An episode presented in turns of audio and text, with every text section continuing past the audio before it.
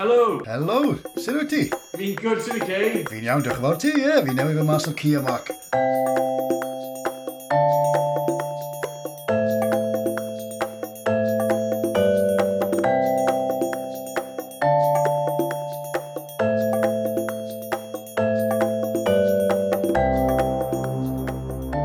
So, enw'r podlediad yn y Gymraeg, Rodri, yw Cymeriadau Cymru – Ac amser fi'n rhoi yeah. enw, enw'r gwrthrych yn, yn Google neu be bynnag, mae po fath o beth yn dyfynu, dos.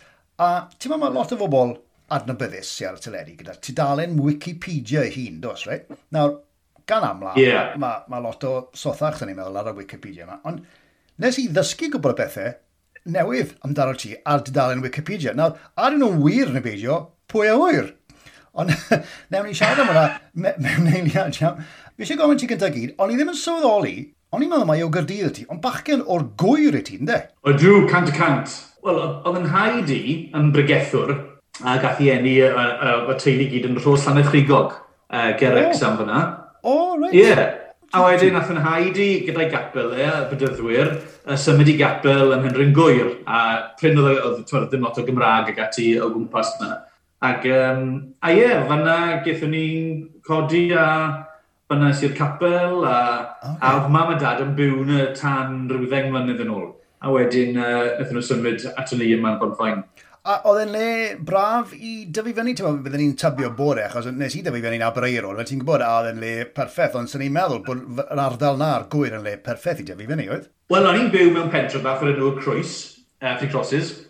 Um, oedd e'r reit ar ben y bryn a uh, o dan o'n ni oedd penclawdd un ochr, uh, Llangennith uh, yr ochr arall, a wedyn Mumbles uh, yr ochr arall. Ac oeddwn ni ar ben y bryn um, yn y canol fel petai. A yn rieni bedydd yn byw gyferbyn yn ni, yn ffrindiau gorau yn rieni. Ac um, dreulus i yn ymlaen tyndo di, uh, lot fawr gyda nhw, oedden nhw yn un yn ein tŷ ni, ni yn eu tŷ nhw, ac oedden nhw'n deulu oedd yn redeg lot fawr o farchnad Abertawe. Felly, treulus i llythrenol bob yn noson mewn fan yn mynd o gwmpas o ffermydd yn mynd gwir, yn casglu tato, casglu'r sweets, uh, casglu'r llysiau i gyd. A wedyn, yn ni'n gweithio yn y farchnad bob disadwn, um, yn llwytho ac yn pwyso ac yn... Um, a bob wow. noson nadolig, bob, bob, to, bob gwyl y banc uh, fyna o'n i yn y farchnad yn Abertawe, lle Fai lot o stoi yna'n farchnad. A mi'n siŵr allan ti, a ni'n mynd sefydol, fi, fi, fi methu quite dychmygu ti yn gweithio mewn marchnad am y sawr rhyw ffordd y gilydd. Dwi'n siŵr am pam, chwaith. Ond ti'n bod ti'n sôn am, um, o bydd dim lot o, o Gymraeg yn yr ardal, o ti ar eilwyd Gymraeg. Oedd hwnna'n beth anghyffredin bod yna, bod yna deulu o, o, o Gymru Cymraeg yn siarad Cymraeg yn yr ardal? So, fi oedd yr unig, ni oedd yr unig, fi oedd yr unig, fi am rawd ar y pryd, uh, oedd yr unig plant oedd yn mynd i'r ysgol Gymraeg. Um, a pawb yn mynd i'r ysgol lleol, yn ysgol, uh, ysgol y Clwys. Ac uh, oedd yr ysgol yn amlwg yn dechrau am, am chwarter i naw, ond oedd ni'n dal bws am chwarter wedi saith bob bore um, ar Willard y stryd i fynd i Bont y Brenin, ysgol Gymraeg Bont y Brenin. Wow. Uh, ond oedden ni'n, er mwyn mynd i'r ysgol, o'n i'n gofod dal y bws gyda'n frawd i, oedd saith mynd yn hun. Ac o'n i yn ysgol gynradd, ond o'n i'n estyn y cefn gyda'n frawd i, a wedyn drop o pawb off yn yr ysgol Llandeil y Ferwallt yn Bishopston. A wedyn ar ôl drop o pawb off yn fyna, oedd y bws yn dechrau wedyn ar daith yr ysgol gynradd. So o'n i ar y bws am yr holl beth ar gyfer taith uh, yeah. yr ysgol uwchradd a'r ysgol gynnar. Ond y cyfan um, er mwyn cael addysg uh, drwy'r gyfrwng y Gymraeg ac yn amlwg dwi'n dal hyd heddi er oedd y siwrne'n hir yn hynod diolchgar o fe ni. Ie, yeah, fe mae hwnna'n rhan yn swnio fel dyrnod hir iawn, ond efe yn yr ysgol wedyn cynradd a uwchradd dechreuodd y, wel, felly we, diddordeb ysglygu di uh, i fod o, o flaen camera neu'r lwyfan y fath na beth, oedd yna ddiddordeb byd hynny amser ti'n ti fachgen bach, efo Na, ddim o gwbl. Oh. Ni'r person mwy o sioi, uh, o'n i'n cael traffaith hyd yn oed gwedadnod yn, yn, yn, yn hapel yn, yn haidi um, yn llythrenodd yn rhieni'n gofod gwythio fi lan i weid. Diw cariad i, wel, hwnna diw'n hwyr. a ni mon yn fodlon gweud yr un adnod uh, bob, bob wythnos. Ond oedd yn had i yn, yn ymwneud lot ar gymdeithas y ddrama, ac um, o'n i'n mynd lawr i bob ymarfer gyda ge. Um, o'n i byth, yn, byth, byth eisiau bod yn rhan o'n efe, ond o'n had i wrth yn gweud hyd heddi, bod fi'n eistedd yna am ryw 20 mlynedd yn just yn gwylio ac yn gwrando ac yn watcho pawb yn dysgu lines, dysgu pawb yn, to, gwylio pawb yn performo. Yeah. A dim tan bod fi ti a 17 oed wrth fatha, na pryd o'n i fatha, reit, na i drio wneud rhywbeth e. Ond yn llythrenol am 15 mlynedd i fod yn, yn, yn iawn. Oh, right. um, nes i just iste a, a gwylio mob marfer drwy wrthnos. Yeah. Yn hynny o beth yn, os nag oedd na ddiddordeb bryd hynny, beth oedd y, y freuddwy, ti'n Mae lot o ddechgyn o saith yn oedran eisiau bod yn, ddim yn siŵr am be, ond uh, dyn tân neu astronaut neu be bynnag, be, be, beth, yw, beth oedd y freuddwyd gyntaf? Beth oedd ti'n meddwl, reit, dyna beth dwi eisiau wneud? Fi'n credu fath o lot o bobl, oedd yn rieni, y ddau yn rieni ym myd addysg, so o'n i'n allai gweithio ym myd addysg a bod yn athro, neu oedd yn mrawd i. Um, oedd e'n actor, ac uh, credu o'n i'n gweld i fywyd e, ac oedd e'n dogetre, yn, oedd e'n pobl o cwm o pethau, y pryd oedd yn dogetre mewn car neis, a Oh, right. Wedi llad rili neis a colled yna. Gyn i fel, waw, oce. Okay. So naill ai fod yn athro, neu na i fod yn actor.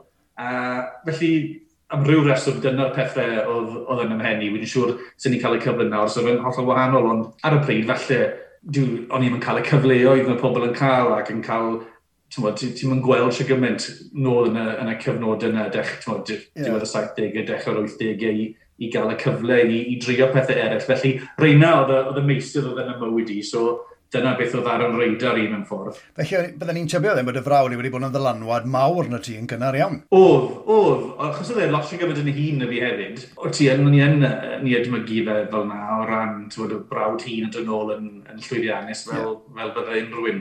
Ond Fes ti'n rhan o Theatr Genedlaethol Cymru, naddo fe? Do.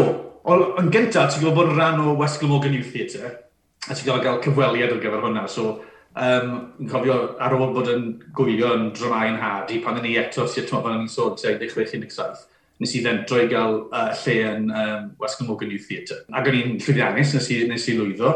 A wedyn, er mwyn fod yn um, Theatre Reacted uh, Cymru, o ti'n gorfod, o dy sir ti'n gorfod yn noddi di, so ti'n gorfod mewn mewn i un fatha. so o'n i'n gorfod mynd i West Morgan Youth Theatre, fel bod fi'n gallu trio ar gyfer um, yr un Cymru, ti'n bod. Um, Dwi'n i flwyddyn yna, wedyn nes i i'r uh, National Theatre, a fyna, ie, yeah, ti'n bod, nes i gwrdd â ffrindiau gorau fi, sy'n ffrindiau gorau fi hyd heddi. Oh, wow. Oh, Hwna, oedd yn gyfnod ffantastig, ie. Yeah. Mae ma lot o Gymru Cymraeg wedi mynd trwy'r un broses mewn ffordd, yr, un, ti'n bod, y ffordd o, o, o fod yn andrybyddus a, a gyda gyrfa. Dos, cyn o'n i'n siarad am gyrfaoedd, a fi'n mynd i ofyn am dy, am dy swydd gyntaf di, Mae gyda fi cwpl o gwestiynau bach i ti. Um, cwestiynau bach digon gwirion i nhw mewn ffordd, ond, ond falle bydden nhw'n rhoi syniad i'r grondawyr o, o dy gymeriad i falle. Mae pawb yn nabod ti fel, fel, mod, fel cyflwynydd, fel gwyneb. Mae'n amlwg, ond cwpl o gwestiynau ti. Um, er enghraifft, petai na ddewis gyda ti o rhyw ddau bwer, rhyw fath o superpowers ag i ti, Naill ai hedfan neu bod yn anweledig, na ti a'r Cymraeg da, invisible, pa un a pham? Fi'n credu yn yr hinsawdd sydd ohoni a lle dyn ni yn y byd ar y funud, so ni'n hedfan. Yeah. Achos dwi wrth y modd yn, yn teithio ac yn teithio pa bynnag gyfle uh, wy'n cael. Felly, fyddwn ni, a fi'n wir yn colli'r uh, uh, yr elfen yna, yna o'n bywydau ni ar y funud. Felly, um, bendant, sy'n ni'n dewis um, gallu hedfan yn saff. Na, rhywun weithio, ni'n siŵr mae Sian Thomas wedi rhaid yn ddiweddar, bod i ddim eisiau bod yn anweledig, achos bod e ddim yn licio clywed beth hapus na bobl i ddweud. Mae hwnna'n wir fi. Mae hwnna'n ateb da, ydy. Beth da. Beth ti'n gweld pethau ti'n eisiau gweld? Wel, ie, yeah, hollol, ie. Yeah. Ewn i ddim mewn i hwnna, na fe. Right, beth am dy, dy, dy swydd gyntaf di den, os dwi'n iawn, gweithio i Radio Cymru oedd e? To be, eisiau uh, profed gwaith ysgol, i Swansea Sound, pan o'n i'n ysgol, a ni, a ni yn yr adran newyddion gyda Gary Owen. Wedyn, o'n i dal yn yr ysgol, a yn dosbarth chwech, fath um, Gwrbon Hedwig, um, cynnyrchydd teledu, Graham Jones, uh, rownd yr ysgolion yn chwilio am fachgen i gymryd rhan mewn opera Sebon, o'r enw Dinas. Um, ond mae'r awdi ar y pryd yn Dinas. Bydd ddim dod gytra gyda'r car neis a'r cot neis. A o'n i ddigon ffordd ges i ran. Felly dreulus i dwy flynedd yn, uh, o taxi'n dod bob llun dim erthau di Gwener ac um, do ges i ddwy, ddwy flynedd ffantastig yn, yn ffilm o oh. Dinas Tafod gyda Arnoen Carlyle a Catherine Powell. Oh, right. O ti'n siôn meddwl bod ti wedi, yeah. bod ti wedi cyrraedd y pinnacle, do? O ti'n meddwl, this is it, they've made it, yeah? Dinas, bachgen ifanc? O ti'n meddwl beth oedd yn rhyfedd, o'n i'n gweithio, o'n i eisiau bod teulu dyn ni byw yn America.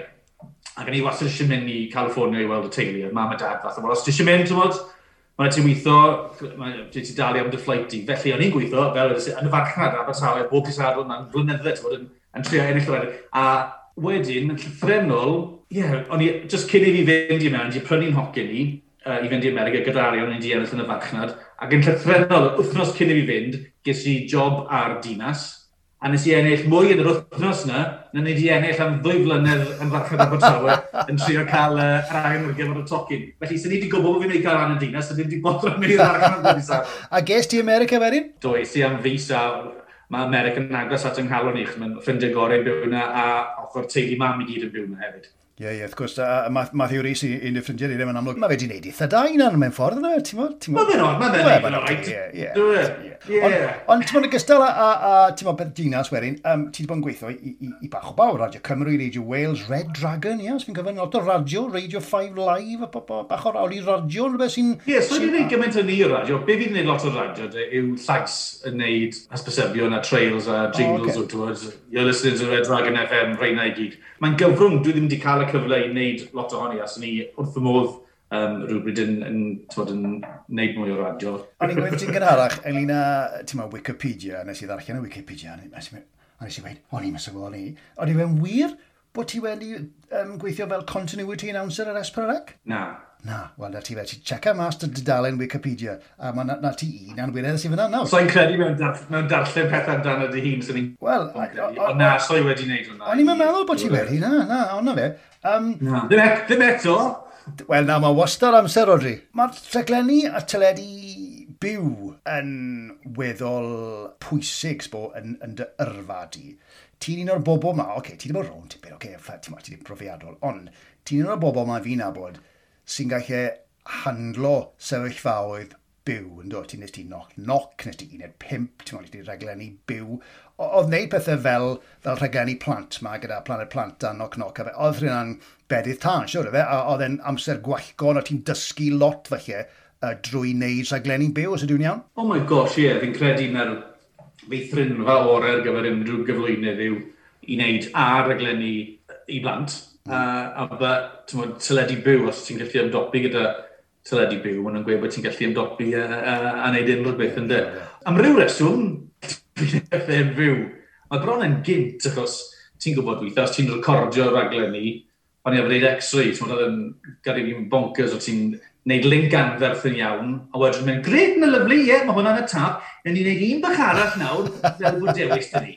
Ti'n fel, oh my god. Yeah, yeah. Fi newydd, lle mae'r byw, mae'r adrenalin yn mynd, a mae rhaid i ti gael ei iawn, dim dewis y ti. Mae'n ma ma sink o swim mae'n gofod e? o mas yn dweud. Oedd pethau mynd o le ac yn anghywir tra bod ti'n gwneud? O'n i'n dweud, lot o bethau, yr unig peth fi, sy'n stoi sy'n dod yn ddeolhoddio, y peth cyntaf nes i wneud yn fyw ar y network, ar, ar y ryngrwyd. Ac yn yr reswm, oedd y teimlo bach o wahanol, achos oedd e ddim jyst yn fyw yng Nghymru, ond oedd e'n fyw dros Brydain. A oedd e'n gyfres newydd lle oedd um, BBC yn chwilio am gyflwynydd newydd. A so, oedd e fatha rhyw raglen realaidd oedd e, fatha deg, deg person ac yn nhw'n trio a bob wythnos oedd nhw'n cael challenge, a wedyn oedd y person ar y diwedd yn cael contract gyda CBBC am flwyddyn. Oh. Ac fi'n cyfer y comisiynydd yn cyrraedd, a fi a bachan ffrind i fi oedd enw Otis Deely. Ac um, Otis y fi oedd yn cyflwyno, ac oedd yn raglen newydd BBC, ac o loads o arian mewn iddo fe. A fi'n cofio'r uh, uwch gynnyrchydd yn troi lan, just cyn y raglen, a nath i ddod lan at ni wedi, pob lwc i'r ddau chi ar gyfer y raglen. A a thi regu ar y pryd, ond wedi... Um, Ti'n cael regu ar hwn yna? Ie, yeah, cyllengau rhywfaint fan nhw di. Ie, ond a thi weid, a thi weid, um, don't F it up, uh, whatever you do, or you're both dead, a gerfa fi off. Oh, a wedyn nhw'n ti fel, okay, two minutes to on air, oh. ac o'n i fel un, oh my gosh, mae'n awful. A fi'n cofio, oedd fel pre-title T, so cyn fod y music yn dechrau'n fyw, oedd da ni fel 30 seconds, a na gyd o'n i'n gweud oedd, we've got 10 contestants, 3 judges, run VT. So, oedd o jyst yn gweud o yn gyntaf, a wedyn yn tolio fi, 10 contestants, 3 judges, run VT. Okay, going live in 5, 4, 3. 10 contestants, 3 judges, run VT. Uh, 3, 2, 1, go! O, oh, i dechrau, ac o'n i tri fel hyn. Oh my gosh, mae hwn yn mynd yn fyw right dros Brydyn. O wedyn, line fi'n dod, line fi'n dod. A wedyn si, we've got 3 contestants, oh. 10 judges, run VT. No way. A wedyn ar y diwedd, nes i literally fynd fel hyn. Ac o'n i fel hyn, oh my gosh, oh my god, fi wedi gweud yn wrong. A wedyn, fi'n cofio, o'n i'n gofod redeg wedyn mewn i'r studio, trwy'r llenni dîm yma mewn i'r studio. Ac wrth i ni redeg, oedden ni fel deg eiliad trafod rhywbeth yn titles yn mynd, nath um, Otis redeg mewn i scaffolding post, oedd yn y llenni, a literally cwmpo'r llawr a gweld ser. Oh my god. A fi oedd fathau sidekicker, a fi literally cofio'n gafel yn mynd, I can't do this program on my own. You've got to get up, you've got to get up. I can't do it on my own. I'm your sidekick.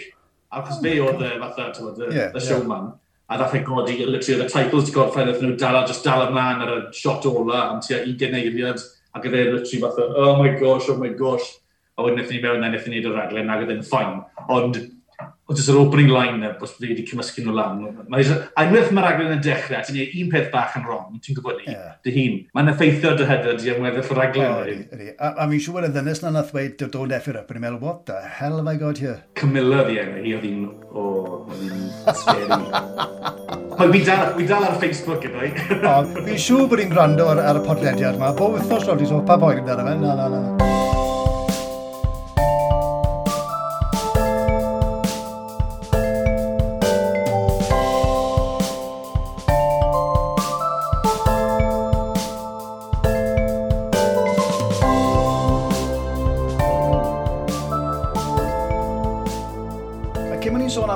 waith nes ti'n neud, uh, ti fas i gyfnod ti sôn am CBBC a, a ti wedi gwneud y bethau. Eto, ni'n mynd sylweddol beth ti wedi gwneud y pethau fi wedi darllen am, er, falle mae'r rhaid nhw'n anwyredd, anyway, yn Wikipedia.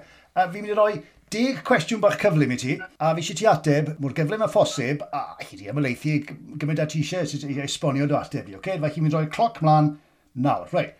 Rygbi neu pel droed? A pel droed. Beth am rhaglenni dogfen, then? neu reality TV? Dwi ddim yn fan o reality TV. Nag o ti? O'n i'n meddwl bydde ti'n wrth y fodd ar rhai rhaglenni reality TV felly? Mi'n siŵr am pa. Be, fel Love Island?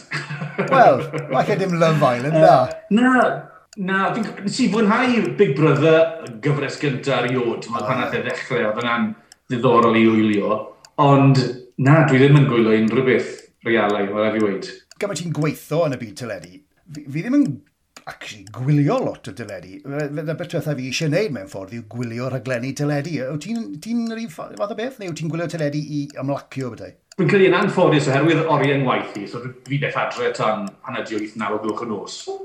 Uh, a gan amla, mae'r raglenni dwi eisiau gwylio, dwi'n ddim lan erbyn, uh, erbyn ni. Yeah. Ond uh, un fan enfawr o'r trend newydd o, o wylio on demand y phethau. Oh, yeah. um, yeah. Felly uh, yeah, fe'n gwylio dramau a, a dogfennau, ond fi'n gwylio nhw hwyl y nos pan, yeah. pan fi getre jyst i cymryd i gysgu. Le fydden ni heb Netflix a Amazon Prime er heb yn un nhw. Um, gwyn, gwyn gwen neu gwyn coch? Ti'n fi'n pryn yn yfed, so'n yfed gwyn. O, oh, oce. okay. um, Dwi'n di yfed, nes i ddim yfed, ges i un frink, un gin and tonic blwyddyn diwetha. Dwi ddim yn okay. yfwr. Gai ofyn, Eriod. pam hynny, ti'n modd, dim byd y rong efo'n amlwg, os na reswm neu? Uh, dwi'n mynd o'r glas. Okay. Dwi'n byd yn erbyn erbyn e. Um, Byddwn ni'n dwlu gallu ystod lawr yn y nos a, a mwynhau glas o wyn coch. Ond um, wi jyst yn cael, mae'n jyst yn rhoi pen tost i fi sydd byn, felly um, a dwi'n mynd gweld unrhyw awydd i yfed. Um, ond fel ti'n gweud, wastad da fi, wastad da fi ddim problem gyda unrhyw un arall yn yfed. Dwi'n okay. jyst ddim at yn las i. Um, Ti wedi dysgu rhywbeth fyna? Fi wedi dysgu rhywbeth fyna, na, byddai'n mynd prynu peint i ti. um, beth am... Uh, ti brawn dy fi. Cerdded yn y mynyddoedd neu cerdded ar y traeth? Cerdded ar y traeth. Um, fi wrth y modd gyda traeth.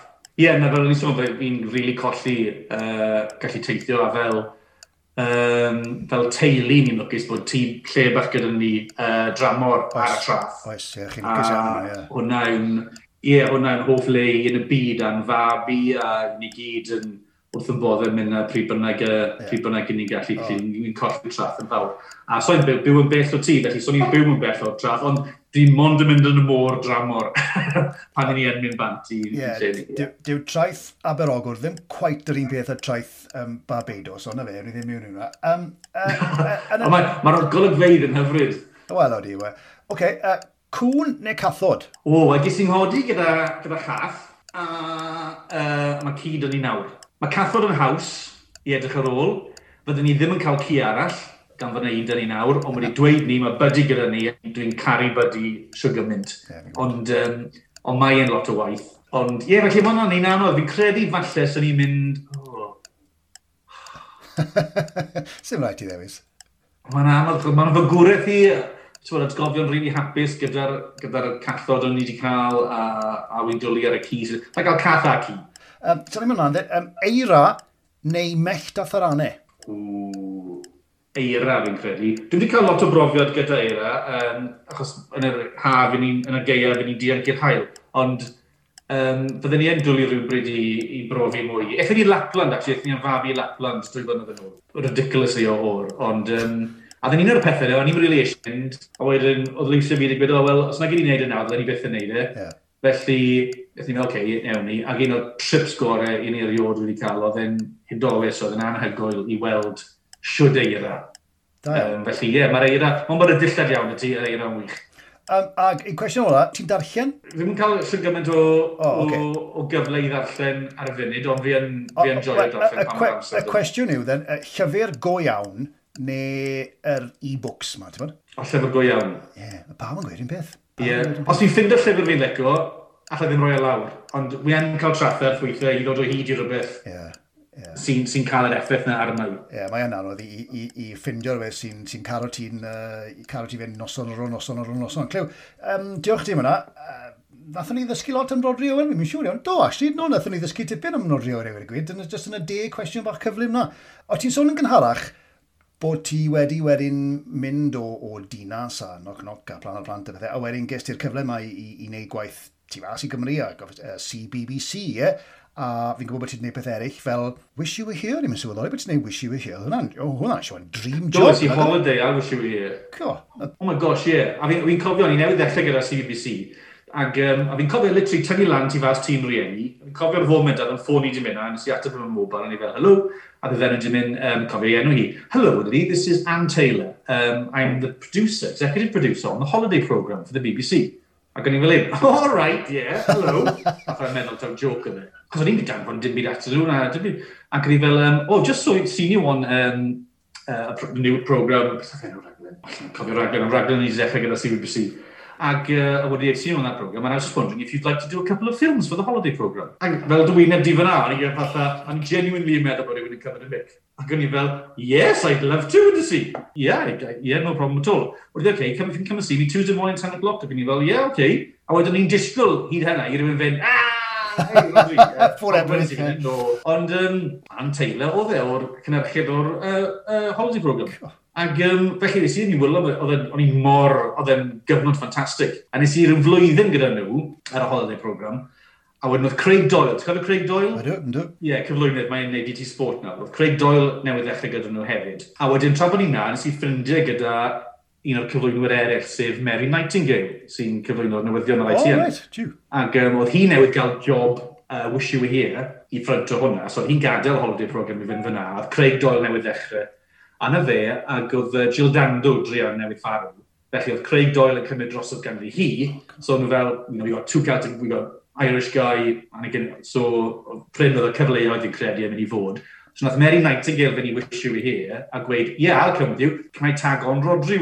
Uh, so what a tegel i, oedd hi'n really gyredig fyna. So nes i symud wedyn o holiday program at uh, wish you were here.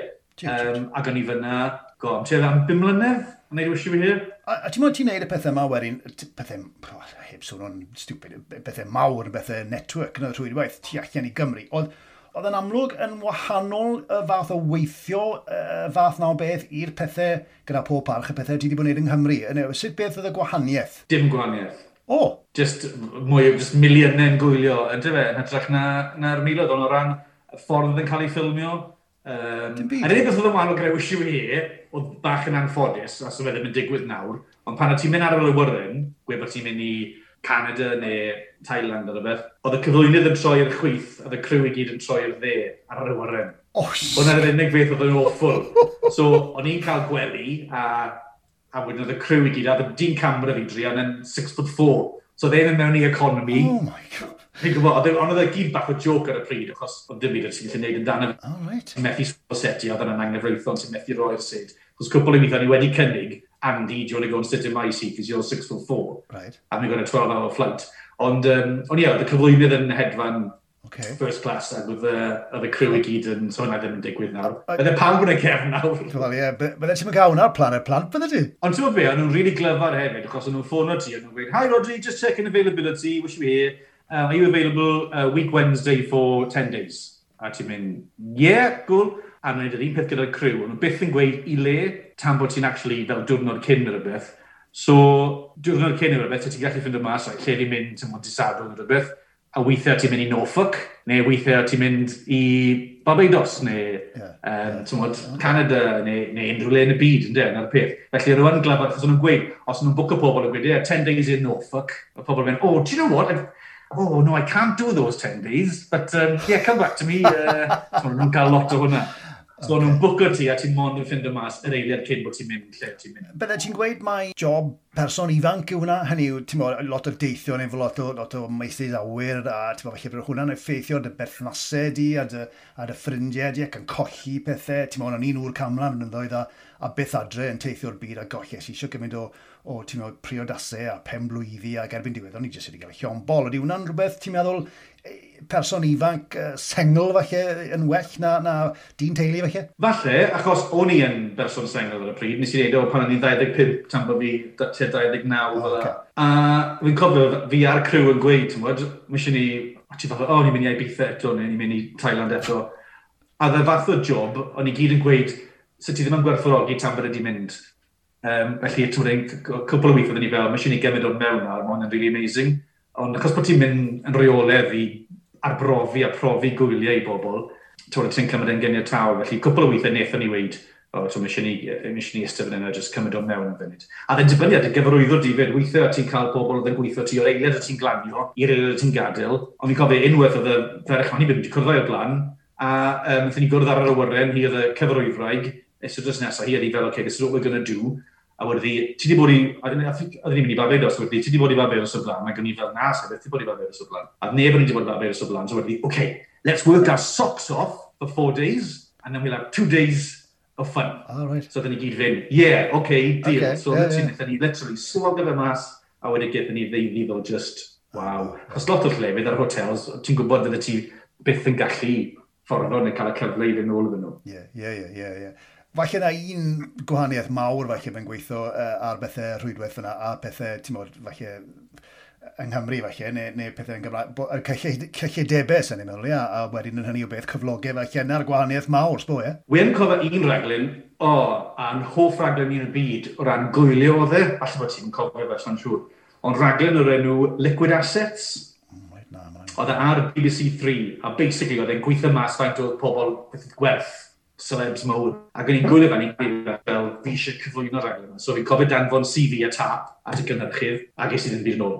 A wedyn fi'n cofio danfon Davies yn ddiwedd arach, tap, llythyr, fi dal yn caru eich raglen chi, fi eisiau cyflwyno'ch raglen chi, yr hoff raglen, fi'n gallu gweld fi'n neud e, dim byd. A llythrenol, Chris, fi'n cyfaddau ti nawr, o'n i'n pain in the ass, nes i literally pestro nhw, pestro nhw, pestro nhw. Mae rhaid o fi wedi danfon fel 10-15 CV iddyn nhw dros blwy, rhyw flwyddyn. A yn i literally fel, I love your show, I want to do your show, I can really see myself do your show, if any openings, anything at all. A ni jyst yn cario ymlaen, bob mis o'n i'n danfon rhywbeth atyn nhw, a i dreio nhw to. A wedyn ni bore, a yn allan ti ffono, a wedyn di, oh, have you seen a call from Liquid Assets? Um, their presenter's fallen through, um, I'm free to go to Sweden on Monday to do ABBA's Millions. A gen i fel un, shit!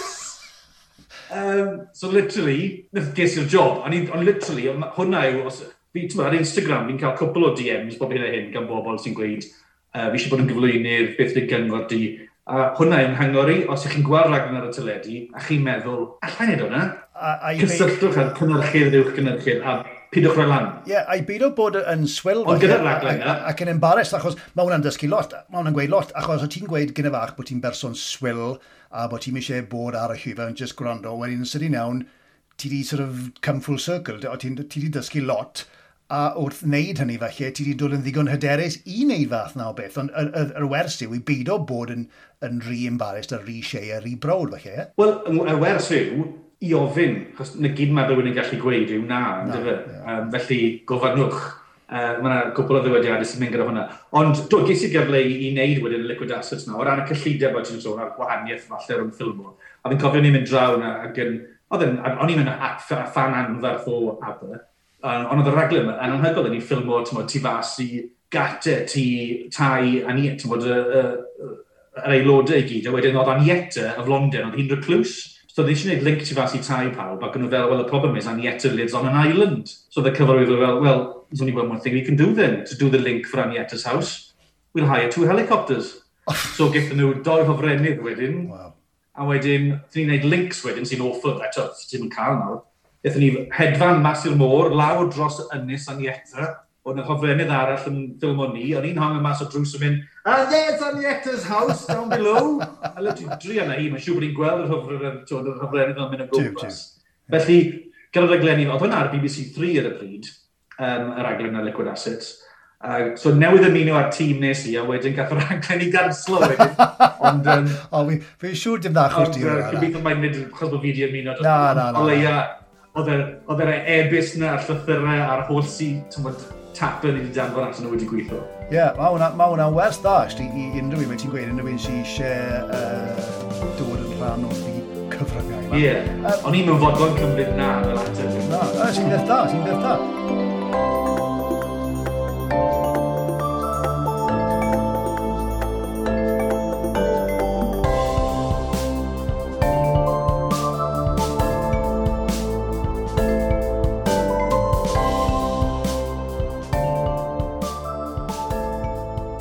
ti'n fi'n siŵr bod ti wedi gwneud lot o, o gyfweliadau yn ystod y yrfa di a lot o glyweliadau a pa fath o bethau. Felly fi'n mynd i ofyn y cwestiwn mae ti nawr, oce? okay? Ti wedi cael y cyfweliad yma a mae wedi mynd yn rili really ddarod, okay? a ti wedi cael dy dream job. Falle, falle rhywbeth fel uh, wish you were here newydd, falle bod ti'n cael teithio dros y byd, aros yn y gwestau moethus, uh, hedfa mewn helicopter, be bynnag. Ond mae wedi mynd yn dda. Am mwyn y thebyg, ti'n mynd i gael cynnig y swydd. Ond ti'n stepo allan yr adeilad a ti'n gweld y lottery ticket ma, a mae'n werth tua 10 miliwn. Be fydde ti'n neud? Fydde ti dal yn cymryd y job? Ydy fi'n cadw'r tocyn? Na, na, na, na, na, na, na. Ti'n eich ti yn cymryd y tocyn. Wel, na, gwe ti dda fi, be fydde ti'n neud? Na, o ne, ti'n ffili cael bach o bwyd, ti'n ffili cael pob peth. Be fydde ti, be fydde'r byd cyntaf ti'n neud? Ti wedi cael cyfweliad. Ti'n derbyn y job. Right. Ben, dan fydden derbyn y job. Os ydyn freudio i fi a bod fi eisiau neud e, sydd i'n neud e. Oce. Okay. Um, Ac o ran y tocyn, sy'n ni'n trio ffindo'r perchenog. O, fes y ti? Bydden, o ie. Yeah. Falle sydd ddim ni'n trio'n galed, ond sy'n ni'n neud rhywbeth jyst i ofyn. Sy'n ni'n gwneud A wedyn, wedyn, bydden ni ddim yn, sy'n ni'n dosbarthu'r arian i, i bobl neu timoedd sy'n angen, a falle cadw tyn bach i ni. Wel, ie, sy'n ni'n meddwl i fynd un beth arall nes i uh, ddarllen eto ar dudalen Wikipedia. Mae'n werth i edrych ar y Wikipedia page yma. Falle mae hwn yn wir, asi. Wyt ti wedi sgwennu llyfr o ran o bwyd, bwyd, bwyd? mae'n yn joc yn ti ni. O, mae'n uh, wir, mae'n wir. Mae'n fab i meddwl bod e'n hilarious bod llyfr dy fi bwyd, bwyd, bwyd. Ond do, blyn yn ddynol, ges i bych helpu roi'r cyfnod i gilydd. Ond ie, yeah, jyst bod llyfr bach wedi aneliad blant um, i ddysgu nhw uh, i fytan iachus. O, oh, right, oce. Okay. Felly dwi'n awdur, Chris. Wel, ti yn. Ie, ie, ti yn. Absolutely, ie. Yeah. So, erbyn hyn, Rod, ti'n ti, ti wyneb cyfarwydd yn amlwg ar Esbrydeg. Uh, ti wedi gwneud extra i'r BBC, ond on, on, mae pobl yn abod ti yn sicr yn Gymraeg o ran, wel, wedi tri oedd e, yn uh, prynhawn da a, a hyn ond. Ti'n ti, ti neud y rhaglenni na ers, ers llai brynyddoedd nawr. Ond beth ti'n meddwl yw y pel, Beth sy'n neud prynhawn da a rhaglenni fel hyn o mor boblogaidd? gan wylwyr esbydderec, achos mae'n mynd os blynyddoedd, yn dyn nhw. Ti'n mo, be, beth yw'r gyfrinach y bethau? mo fe, maen nhw'n raglenni anhygol, maen nhw'n ffantastig, a so'n gweud hwnna achos bod fi'n gweithio uh, ar heno, ond, ti'n mo, yn enwedig yn ystod y cyfnod yma, lle di pobl yn mynd i unrhyw le, uh, di pobl ddim yn cael, neud unrhyw beth, um, ond maen nhw'n pryn, ti'n mo, yw'r raglenni eraill sy'n dangos yr holl bethau yna sy'n digwydd yn ein cymuned ni, boed yn fach neu'n fawr. Mae yna raglen mlaen, mae yna item mlaen dyn ni, uh, heno, um, ag uh, am ddwy chwaer yma, yn byw ar ffarm yn y gogledd. Un nhw'n gweithio gyda'r bichod, a mae'r llall newydd cael ei llofnodi gyda asiantaeth modelu mwy ar byd. Oh. A mae'n mynd i fod yn supermodel. Oedd ngharad o fi yn gwylio'r tap gynnedd o ddoi ni gig agored. Ac yn ei just fatha, waw, okay. am item yeah ffantastig, fydde neb yn gwybod am y ddwy, a ti'n bod e'n dod o'r cyfuniad o holl straeon yma, ond nid yn unig hynna, ond bod yna awr y hanner o dyledu yn digwydd bob dydd, a ti'n bod, dyn ni ddim yn dangos yr un stwff ar hyn o'n Aprynhawn da, mae'r deunydd yn hollol wahanol, felly mae yna dîm ymchwilwyr yna sy'n llwyddo i ddod o hyd i tair o ddeg o oriau o, o dyledu ffres newydd sbon o, o, o gynnyrch cymunedau Cymru sy'n anhygoel. Mae ma hwnna'n sialens gyfer i ni wedi lan astraeon gwahanol amrywiol bob dydd. Mae hwnna'n... Wel, yn union a hefyd, bod, o ran y cyfarfodydd, dwi ddim yn mater o just, os y stori dwi'n mewn, maen nhw'n neud e. Mae hefyd dewis a dethol sy'n anhygoel o faint o ddeunydd sydd bod nhw bod ni yn y sefyllfa bod ni'n gallu mynd, ie, bydde hwnna'n addas, nad yw hwnna, bydde hwnna ddim yn addas Felly, mae'r ma, ma tîm sydd gyda ni yn, yn ffantastig bod nhw'n yn dod o hyd i eisiau gymaint o, o ddeunydd sy'n llawn adloniant ac yn, ac yn, ac yn heiddi lle bod pobl yn gweld y straeon yma. Ie, yeah, ac eto yr elfen fyw sy'n apelio at y ti falle, ti'n offi wneud teledu byw, ti'n offi gyda, siarad gyda pobl, normal, fel fi'n galw nhw, pobl sydd ddim yn y cyfryngau, pobl sydd gyda rhywbeth i werthu'r, beth sydd wedi gwneud pethau anhygoel, ti'n cael siawns i, i roi 5 minutes of fame iddyn nhw hefyd, tywa, i, i hybu ac i herwyddo bobl cyffredin. Mm. Bobl neis, de. Bobl neis, rydw. Wel, yn union, ie, dyn ni yma, ti'n bod, ar gyfer y gwylwyr. ti'n bod, Mae yna e-bus dyn ni, mae yna rhi ffôn dyn ni, Instagram, Twitter, Tywod, ni'n hybu hynna drwy'r amser, a ni yma ar, ar, ar gyfer y gwylwyr, felly cysylltu, cysylltwch, a mae'n ma ma cysylltu. Ti'n gweud bod fi'n dewis wneud tyledu byw drwy'r amser, dwi'n hwnna ddim yn, yn, yn, y ffaith bod fi ddim yn allan i wneud teledu byw, jyst digwydd bod mae gyd yn fyw. A dwi'n teledu byw ddim yn rhaid i iechyd i. ddim yn rhaid i iechyd i'r gwbl. Hap o damo i mae popeth i fi wneud, mae'n mynd, o, mae e'n fyw. O, mae'n aros i'n fyw. o, mae ti'n rhy hwyr nawr, ti wedi cael rhyw reputation o fwynnu teledu byw. Oh my gosh. Chi wedi, chi wedi gweithio uh, yn barhaol trwy'r pandemig yma, a'r cyfnod clo yma. Oeddi hwnna wedi bod yn, uh, yn anodd neu wedi, wedi bod yn, yn dda bod ti wedi gallu gwneud ni? Oedd yn creu ar y dechrau, ti'n modd, oeddwn ni yn ffodus i ni oedd Esbydyrec uh, eisiau ni i gario ymlaen, achos eto, roeddwn ni yna ar gyfer, gwylw, gwyl, gyfer y gwylwyr. Ac eto, oedd yn e, ffantastig o beth i fod yna ac i, a trwy fel i ni'n siarad nawr gyda'r uh, yeah. cyfrifiadur ag ati ar we, yn hygl bod ni gyd yn gallu cyfathrebu fel hyn. Um, ond ydy, mae e wedi bod yn heriol pan ti'n neud raglen i byw a diw'r link ddim na, ti'n neud ti siarad â, ond wedi ti 23 munud i lenwi, ond um, eto ddim yn rhaid i iechyd i, ond um, rhyw ffordd ni gilydd mae'r raglenni yn llenwi a uh, diolch i'r drefn. A dwi'n hynod diolchgar, ti'n meddwl bod fi wedi gallu dal wneud yng ngwaith i, drwy'r wrth y modd gyda'n ngwaith i, felly uh, bydden ni'n bersonol wedi credu wedi ffindio fe'n anodd, sy'n ni'n methu mynd i'r gwaith, felly dwi'n dwi mor ddiolch. Ie, ie, wel, ti'n gweud, mae rai bobl ddim wedi bod mor lwcus, ydyn nhw, a ti'n meddwl, rai bobl yn ffindio fe'n rili, really, rili really anodd, a goffo aros adre, ond mewn ffordd mae gweithio fel y ti'n neud, a feddwl ni'n efo'n neud, wedi bod yn, yn wel, yn lifesaver mewn ffordd, e? i, i garw ti fynd, oh gosh, bethau, yn feddyliol ac emosiynol. Ie, yeah, mor, mor ffodus. Ti'n meddwl, mae eisiau gyfer y ffrindiau dyn ni sy'n sydd ddim wedi cael y cyfle uh, i actio a mm. hats off dwi'n maen nhw'n ma nhw neud yn wych a yeah. mae jyst yn, yn, yn sefyllfa ofnadw a Well, dim ond cydymdeimlo, ti'n gallu neud yn gobeithio fi pethau'n gwella cyn mwy hir. Ie, yeah, ollol. Felly, i gloi then, a ti di bod yn actor, ti di bod yn cyflwyno, ti'n ti awdur, ti ddim wedi bod yn continuity ar Esbrydeg, ti'n gwybod teg, ond um, beth yw'r cynlluniau ar gyfer y dyfodol, oedd yw'n anodd wneud cynlluniau a, a, a ti'n modd, os yna fyraddwydio, bydde ti'n hoffi wneud un peth arall felly, um, cyn bod ti'n mynd rhy hyn? Wel, so wedi gweld unrhyw raglen arall, lle dwi wedi cael yn hemptio i gysylltu a sgwennu a danfon tapau at nhw eto. Ond ar y funud, ti'n modd, dwi wedi... Gosh, nes i ddechrau, fi'n cofio cael cyfarfod yn ystod yr ecran yn gweud o'n i'n newydd cael plentyn a byddwn ni'n dwlu gweithio nôl yng Nghymru mwy a, a bod fi ddim yn gorfod uh, mynd bant i fynd ag ati i deithio a gan, gan bod fi'n dad sy'n ni'n lygo gweithio uh, lle fi getre bob nos. A diolch i'r drefn a dwi mor y mor ddiolchgar. A hwnna, 11, 12 mlynedd yn ôl.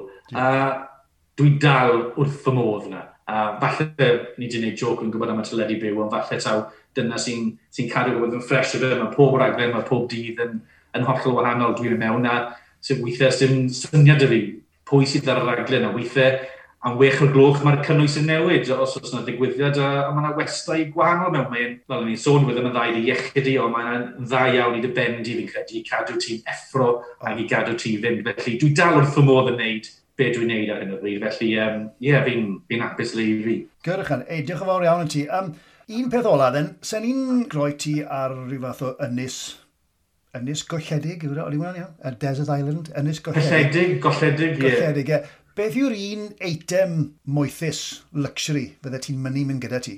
Os plugs na? Os plugs na, lagos. Na. Dim ar yr ynys, lagos. Na. Um, to be, ni gyd yn treulio hanner y bywydau ni arnyn nhw. Un peth moethus, a fi'n eitha ffasu gyda nhw, so ni'n mynd â fy nglistog. Really? So, ti'n ma glistog? Ie, ie, ie. Gysgu oh, okay. Ac fi'n os fi'n cysgu ar yma, fi'n weithma'n wddwg i'n brifo, felly uh, mae dy fi glystog, fi, mae dy wyneb i'n edrych yn sioc. felly, sy'n ni'n mynd â clystogau arbennig. Bod nhw ddim yn rhy galed, ddim yn rhy soft, okay. ond bod nhw jyst yn iawn. Cos ni trein o yn bywyd yn ni cysgu, felly mae rhaid i gael y glystog iawn. A, digon gwir. A sut fydde ti ar yr ynnes yma? Fydde ti'n gallu, uh, ti'n meddwl, fydde ti'n gallu ymdopi a ben dy hun ar yr ynnes yma? Bydden. Pam ti'n gweud y fel yna? Fi'n eitha joio cwmni'n yna. Felly, um, ie, yeah, fyddwn ni, fyddwn ni'n ffain ar ynys. Ond wedi dweud ni, heb cyfryngau cymdeithasol, mae hwnna'n anodd dyddiau yma, ynddi? O, wel, ie, yeah, siwm o bobl yn cael y ti ar y cyfryngau cymdeithasol i lorffen e? Ti, ti ar uh, Twitter ac Instagram a, a, a fath na beth? Fi ar Twitter a Instagram, fi ar Instagram yn fwy, ond, ie, um, yeah, ar Instagram a, a ddoi nhw. Ei, diolch yn fawr ti, gobeithio gei di uh, gwsg dda heno gyda'r glistog na i byth ar y ti anghofio hwnna, tresau weledi fyddai'n fyddai atgoffa di o'r, or glistog. Felly, ei, diolch yn fawr iawn ti. Um, Caron ddiogel, pob hwyl. Neis i weld ti, Chris, gyfer ofal.